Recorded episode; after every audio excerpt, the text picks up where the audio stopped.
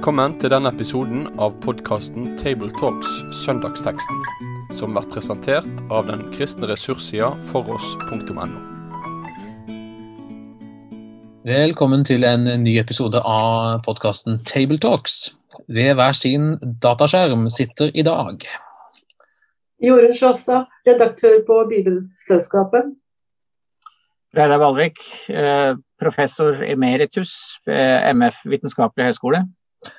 Og jeg heter Kristoffer Hansen Ekenes og er til daglig prest i Delks menighet i Oslo, Ryenberg kirke. Teksten vi skal snakke om uh, i dag, det er teksten for Maria budskapsdag, og den finner vi i uh, Lukasevangeliet, kapittel 1, fra vers 46 til 55. Men nå skal jeg lese fra vers 39, bare sånn at vi får sammenhengen uh, med oss inn i teksten. Da leser vi sammen i Jesu navn. Noen dager senere dro Maria av sted og skyndte seg opp i fjellbygdene til byen i Juda hvor Zakaria bodde. Der gikk hun inn til Elisabeth og hilste på henne. Da Elisabeth hørte Marias hilsen, sparket barnet i magen hennes. Hun ble fylt av Den hellige ånd og ropte høyt, Velsignet er du blant kvinner, og velsignet er frukten i ditt mors liv. Men hvordan kan det skje at min Herres mor kommer til meg? For da lyden av din hilsen nådde øret mitt, sparket barnet i magen min av fryd. Og salig er hun som trodde, for det som Herren har sagt henne, skal gå i oppfyllelse. Og da er vi inne i prekenteksten fra vers 46. Da sa Maria, min sjel opphøyer Herren, min ånd fryder seg i Gud, min frelser. For han har sett til sin tjenestekvinne i hennes fattigdom. Og se, fra nå av skal alle slekter prise meg salig. For store ting har han gjort mot meg, han, den mektige. Hellig er hans navn.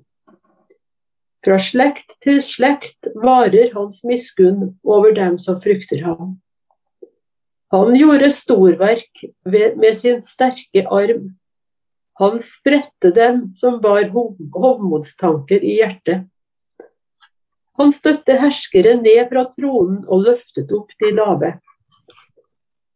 Han mettet de sultne med gode gaver, men sendte de rike tomhendte fra seg. Han tok seg av Israel, sin tjener, og husket på sin miskunn, slik han hadde lovet våre fedre Abraham og hans ett til evig tid. Takk. Der er vi eh, i, i mål, hadde jeg sagt. Um, de mest oppmerksomme lytterne våre fikk kanskje med seg en uh, liten detalj om, om, et lite misforhold mellom hva jeg sa i innledningen og hva vi faktisk leste. Um, jeg har nemlig sagt at det er teksten for Maria budskapsdag, og det uh, stemmer jo fordi det er den dagen i kirkeåret. Eh, men Reidar, eh, ja. du kommenterte noe før vi starta opptaket her som gjør at jeg nå syns det var naturlig at du tok over ordet. Hva er dette ja, det er jo slik at uh, denne teksten nå er satt opp på Maria budskapsdag. Men eh, hvis man går litt tilbake i eh, kirkehistorien og til reformasjonstiden, så vil man se at den teksten som vi nå leste, den ble preket over på Maria besøkelsesdag. Og da må jeg stoppe deg litt, fordi Nå sier du jo sant, at denne teksten ikke beskriver hendelsene som hører til den dagen da Maria hadde englebesøk, ikke sant? som er budskapsdagen. Men en helt annen dag. Ja, så Det er jo en, en dag som kommer eh, seinere i kronologien. Og eh, man hadde da det som en egen eh, fest i eh, kirkeåret. Så man finner det helt fram da, til 1770. Eh, da ble det i Danmark-Norge gjort en reduksjon av eh, festdager. og Bl.a. ble alle disse tredjedagene, tredjedagsjul og tredje påskedag og pinsedag, de ble borte. Og denne Maria besøkelsesdag. Men altså, dette er en tekst som da har vært jevnlig prekt over på en søndag i kirkeåret. Og dessuten bør vi jo kanskje også ta med at dette som er da prekenteksten vår, eh, det er jo en tekst som eh, mange mennesker over hele verden leser hver eneste dag. Mm. Og da tenker du på katolikker, annet? De gamle tidebønnene. Ja. Så, så, er dette en av de tekst, eh, bibeltekstene som leses på i, i, vesper, altså i kveldsbønnen. Så sannsynligvis er dette en av de mest siterte bibeltekster i verden, fordi den inngår i disse faste tidebønnene. Så selv om den ikke hos oss har vært på Maria budskapsdag så ofte, så har den eh, Den kom inn med tekstrekka vel i 2011, hvis ikke tar helt feil. Ehm, så har den en eh, sentral plass i liturgihistorien i alle fall, og kirkehistorien på den måten. Men jeg har tenkt at selv om du, du poengterer jo at denne egentlig ikke beskriver det som skjer på Maria budskapsdag, så har vel jeg tenkt likevel at den har jo fryktelig mye med det å gjøre. Eh, men det tror jeg vi skal komme litt mer tilbake til etter hvert. Um, for eh, det er jo en annen ting sånn, i første omgang som er litt hvis man driver litt prosentregning og driver litt statistikk på bibeltekster, så er det ikke ofte at det, først, at det stort sett handler bare om kvinner. Her er det både en Elisabeth eh, i liksom konteksten like før, eh, og så er det jo Maria da, som har ordet faktisk i hele vår tekst. Og det er ikke ofte det skjer egentlig i bibelmaterialet. Jorunn, det vet jeg du hadde lagt merke til. Og hadde noen tanker det? Det er kanskje ikke det, det først og fremst jeg har lagt merke til, men, eh, men det er jo, det er jo tilfellet, det du sier. Men vel så viktig som si, kjønnsbalansen i det her, så tenker jeg det er det å se det Maria sier. Eh, når hun begynner å synge her, så er det sikkert Den hellige ånd som har inspirert henne. Og det har han gjort med ord som hun har hørt og kanskje sunget sjøl i synagogen tidligere. Og som kvinner før henne òg har benytta seg av. Vi kan bare tenke på det som fortelles om Hanna i første Samuelsbok, eh, kapittel 1. Hanna var jo i den situasjonen at hun ikke fikk barn. Eh, og så gikk hun i tempelet og ba. Eh, og så fikk hun en sønn etter hvert. Og når hun har fått han, og levert han tilbake til tempelet, så synger hun en lovsang som ligner veldig på den Maria synger. Mm. Og det er Innholdet i den lovsangen kan vi sikkert komme tilbake til, men det som jeg tenkte først på nå her i denne sammenhengen, var det ordet hun bruker om seg sjøl. Hun kaller seg tjenestekvinne. Ja, tjenerinne, som det, tjenerinne, som det sto mm. i, i de gamle oversettelsene. Og Hvis vi slår opp i en, en, en bibelordbok, så finner vi at det der tjenestekvinne det er det to viktige kvinner før henne som har brukt. Nemlig Ruth i Ruths bok, altså hun som er uh, i Jesu ettertavle. Hun kaller seg sjøl en tjenestekvinne. Og så omtaler også Hanna i første Samuels bok seg sjøl som den der tjenestekvinna i forhold til Gud. Det var interessant at du sa akkurat det, for da berører du noe som jeg tenkte på i mine forberedelser. at Jeg var litt nysgjerrig på Maria, eh, egentlig, når jeg forberedte meg. Tenkte, hvem var hun, hva slags person var hun? Eh, gir teksten noe hint om, om det? Eh, altså, det første punktet jeg har notert meg, er at Maria, akkurat som du kommenterer hun, hun har forstått maktforholdet mellom henne sjøl og Gud. Eh, at han er stor og hellig, og at hun er ydmyk og fattig. Ja, en, egentlig en tjener eller en tjenestekvinne. Hvis en skulle stille spørsmålet hva kan vi lære av Maria, så er det jo noe allerede der.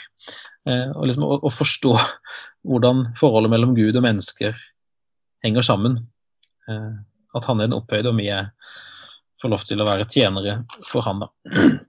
Litt mer å si om det. Jesus kaller seg jo sjøl for tjener etter hvert, for å virkelig snu det hele på hodet. Eh, men i hvert fall sånn, i utgangspunktet så er det noe her i det Maria sier. Og da tenker jeg at Det er jo viktig at vi ikke sier at, at det, det her, her, er en mer ydmyk tjener eh, for Gud fordi at jeg er kvinne. Hun er, hun er, kvinne, og hun tjener Gud på samme måte som senere Johannes var mann og tjente Gud. Så det er, ikke, det er, ikke, det at hun er noe mindre verd enn noe av de andre tjenerne. Det er forholdet til Gud, og det å få være hans tjener som hun sy syns er veldig stort. Det er stort for Maria, og det ville være stort for noen hver av oss å få være det. Og det er vi jo faktisk. Um, så var du litt inne på det i stad, men det var faktisk et punkt jeg hadde notert meg. At Maria virker jo som er godt kjent i Skriften, uh, og fortrolig med bønnelivet. Uh, akkurat som du har kommentert det. Det er jo ganske mye uh, spor i Marias lovsang av at hun har bedt Salmenes bok, hørt det, sunget det gjerne i synagogen. Hun siterer jo helt naturlig, virker det. Ikke noe anstrengt eller liksom påtatt måten hun gjør det på, men helt naturlig så flyter det inn eh, stoff fra både Salme 103 og 107 og 111, eh, som har det til felles at de skildrer Guds frelseshistorie og hans handlinger med sitt folk på ulike måter. Det er det som liksom veller opp i Maria når hun skal beskrive det som har skjedd, skjedd med henne. Um, og Det er jo sånn, et punkt til både inspirasjon og etterfølgelse, det. Å finne seg hjemme og være godt fortrolig med det som finnes både i skrift og i bønnetradisjonen, bønnelivet. Men samtidig med at hun vet at hun er, er, tjenestekvinne, så sier hun òg noe ganske storslått. da. Fra nå av skal alle slekter prise meg salig. Da vet hun hvem det er hun tjener, tenker jeg. Ja, det får en si. Jeg har um, prøvd å tenke på hvordan, altså, hva, er det denne teksten på en måte formidler sånn i det store og det hele. og Det er det selvfølgelig flere svar på. Men eh, i hvert fall på ett nivå så handler det jo om at tenker Maria ser og gjenkjenner Guds finger gjennom historien, sånn som han har handla med israelsfolket, på en måte i stort. Og så forstår hun at det Gud gjør, det er ikke bare noe han gjør med noen andre, men det angår i aller høyeste grad hun sjøl. Og det er klart, eh, Sånn er det jo for oss, at Gud har ikke først og fremst gjort noe for noen andre, men han har først og fremst gjort noe for oss. Eh, og Det viser Maria vei inn til. Det er klart, For henne var det helt spesielt. Hun skulle være mor til Guds sønn, eh, som jo var nettopp en sånn frelseshandling. Men at hun, frem, hun forstår og liksom forholder seg til den, både det store der ute, og at det gjelder med her inne. Jeg tenker på dette verset som eh, vi akkurat eh, leste, fra nå av skal alle slekter prise meg salig. Eh, det er en tekst som vi lutheranere også bør ta med oss. Man har jo i en viss protestantisk tradisjon vært veldig livredd for å snakke om Maria, men altså, denne teksten her gjør jo at vi må snakke sant også om Maria og den rolle hun har i Guds frelseshistorie. Og Når man da ser på dette utsagnet at alle slekter skal prise meg salig, så går jo det på sett og vis tilbake til det som eh, vi hørte lest foran vår tekst. Eh, nemlig det som eh, Elisabeth sier til henne. Velsignet er du blant kvinner, og velsignet er frukten i ditt liv. Og så på slutten sier hun, og salig er hun som trodde, for det som Herren har sagt henne, skal gå i oppfyllelse. Jeg leste en god eh, katolsk eh, ekseget som kommenterte eh, dette, disse versene og sa at det som jo er grunnen til at Maria blir prist salig, er hennes livsfrukt, altså det barnet hun fødte, og fordi hun trodde. Altså det, hun fremstår jo som enestående i den første delen av det Elisabeth sier. Besignet er frukten i ditt mors liv. Altså, det er det bare hun som kan sies. Eh, altså, det er hun som fødte verdens frelser.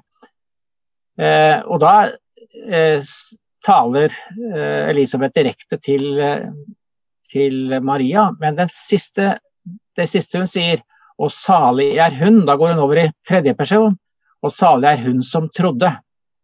Og det er jo da noe som ikke bare gjelder Maria, men oss alle. Salighet er noe vi får del i gjennom troen. Så hun er et troseksempel, sier denne katolske eksegeten. Og det syns jeg var meget presist sagt. Det hørtes ut som god teologi, spør du meg. Men jeg tenker nå, i forlengelsen av det du har sagt, da, eh, altså Maria blir jo ofte løfta frem som forbilde. Jeg har jo for så vidt vært litt inne på det uten å si det i klartekst eh, sjøl òg, så langt i dag. Eh, men kanskje særlig først og fremst det på altså, at hun som du sier, at hun tror og stolte på, på Gud. Eh, og Sånn sett er hun jo egentlig godt i slekt med flere kvinneforbilder i bibelhistorien. Hanna har vi snakka om, Ruth et annet eksempel. Eh, ja, Vi kunne nevnt flere som, som hadde tro til Gud, og som stolte på hans løfter. Og på den måten, selvfølgelig sammen med en rekke menn, da, viser oss vei inn til det der. Så tenker jeg jo det er en sammenheng mellom Marias Selv om Maria er den eneste som ble mor til verdens frelser, så er det jo en viss parallell mellom hun og oss i den forstand at vi òg hører et ord ifra Gud gjennom forkynnelsen, gjennom det vi leser sammen i Bibelen. Og så er jo spørsmålet til oss og utfordringa å tro det. Eh, og det er jo Den hellige ånd som dypest sett gjør det. Men å være villig til eh, det som Gud til enhver tid kaller oss til, eller gir oss. Eh, på den måten så er ikke forskjellen mellom oss og Maria så all verdens stor. I hvert fall på det, punktet der, da. Og så får vi på vår måte være med og om ikke vi føder Kristus, så får han i hvert fall ta form i oss, på samme måte som han gjorde det i Marias mage. Så får han jo prege oss eh, og forme oss, og på den måten bærer vi han ut til den verden som vi lever i. Så jeg tenker Det er en del sånn spennende paralleller her mellom Maria og oss. Skulle vi si et par ord om eh, det, de ordene Maria bruker i starten på sin lovsang? Gjerne det. Min sjel opphøyer Herren. Altså det ordet opphøyer på, på latin er jo det magnifikat. Og det er jo faktisk da et, uh, noe man kjenner fra musikkhistorien og sånn, for det er skrevet mye musikk knyttet til, til denne, denne, teksten. Men det jeg tenkte på, det var at hun altså bruker begrepene 'min sjel' og 'min ånd'. Eh, I kommentarer så vil det da ofte kunne stå sånn at ja, dette er bare en omskriving for jeg. Jeg opphøyer Herren. Jeg fryder meg i Gud. Men jeg fant da en preken av Luther denne, over denne teksten, hvor han understreker faktisk ordlyden direkte. Min sjel lover Herren, sier hun, og da sier, eh, da sier Luther. Det vil si, jeg lover og priser Gud, ikke bare med munnen og hjertet, men med hele mitt liv, enhver kraft som, eh, hvor min sjel regjerer i mine lemmer. Dette er en, fra en dansk oversettelse. Og han prøver altså å si at eh, ved å bruke ordet sjel, så vil hun si at det er hele livet, med alt vi er og gjør og har, som er eh, involvert i dette når Maria sier 'min sjel opphøyer Herren'. Og Det syns jeg var et veldig godt poeng. Eh, det er ikke sånn en greie inne i oss som er min sjel, men det er hele vårt liv som, som er involvert i dette. Ja, det, da får jeg tanker til, til altså skjemabekjennelsen. Du skal elske Herren din Gud av hele ditt hjerte og all din kraft og all din forstand. Og da smilte Reidar Valvik. Jeg skjønner at du hadde tenkt den tanken der? Ja, nei, det, var, det, var, jo det som også slo meg uh, ja. når jeg leste det. For da tenkte jeg Luther har jo faktisk nå sett at det Maria sier, er at hun elsker Gud over alle ting. Mm. Med, hele sitt, eh, med, hele sin sjel og sitt hjerte og alt, alt, alt som er, altså. Men jeg tenker på en sånn dag som dette, jeg kikker litt på tida, og så skjønner jeg at nå har vi snakket ganske mye om Maria, og det er det jo god grunn til, for hun er jo virkelig en uh, sentral person her. Men når vi nå skal inn og forkynne og uh, være predikanter i en kristen kirke, enten den heter luthersk eller noe annet, uh, så er det jo like spennende å se hva, hva, sier den teksten om Jesus, som er troens sentrum. Har noen av dere gjort noen tanker knytta til det? Ikke direkte til det, men jeg tenker det at uh, når vi vet at Maria var villig til å gjøre det hun ble bedt om av engelen på budskapsdagen, så var ikke det fordi at hun var så sterk i seg sjøl. Men hun forteller fra og med vers 49 hvem det er som har gjort det. Det er, det er Gud og den måten hun beskriver Gud på, som gjør at hun midt i sin det hun kaller fattigdom, tørs å være frimodig til å gjøre det hun skal gjøre. Fordi at hun har en Gud som er sånn som det står her. Ja, dette betyr jo dette er jo en, en tekst kanskje mer om, om, Israels gud enn spesifikt om, om, Jesus. Fordi det er jo en, en altså Mange av de ordene og begrepene som er her, som dere allerede har sagt, de finner vi jo igjen i gammeltestamentlige tekster, og i salmene har vi mye av det samme. Um, hvordan Gud prises, og så kommer begrunnelsen for hvorfor man priser Gud. Og Det som er en gjennomgående tematikk i hele denne lovsangen, er jo hvordan Gud tar seg av de svake, men styrter, styrter ned de som um, mener de er noe i uh, denne verden. Det er jo gjennomgående dette at, at Gud ser til de svake, og det går jo igjen forresten veldig mye i i Lukasevangeliet, hvor, eh, hvor Jesus spesielt uh, taler om de fattige som blir invitert til hans rike, mens de rike uh, de ofte holdes utenfor. Bare se på de formuleringene som vi finner i vers 48. For han har sett til sin tjenestekvinne i hennes fattigdom. Og i vers 52 han løftet opp de lave 53. Han mettet de sultne med gode gaver. 54. Han tok seg av Israel sin tjener. Altså, dette er Guds omsorg for de svake, mens hans eh, sterke arm brukes da mot eh, de som har hovmodstanker i hjertet, som det står i vers 51. Og 52. Han støtter herskere ned fra tronen. Og 53. Han sendte de rike tomhendte fra seg. Så det er jo en sånn det man ofte har sagt om den teksten, at det er en sånn omsnuing som skjer.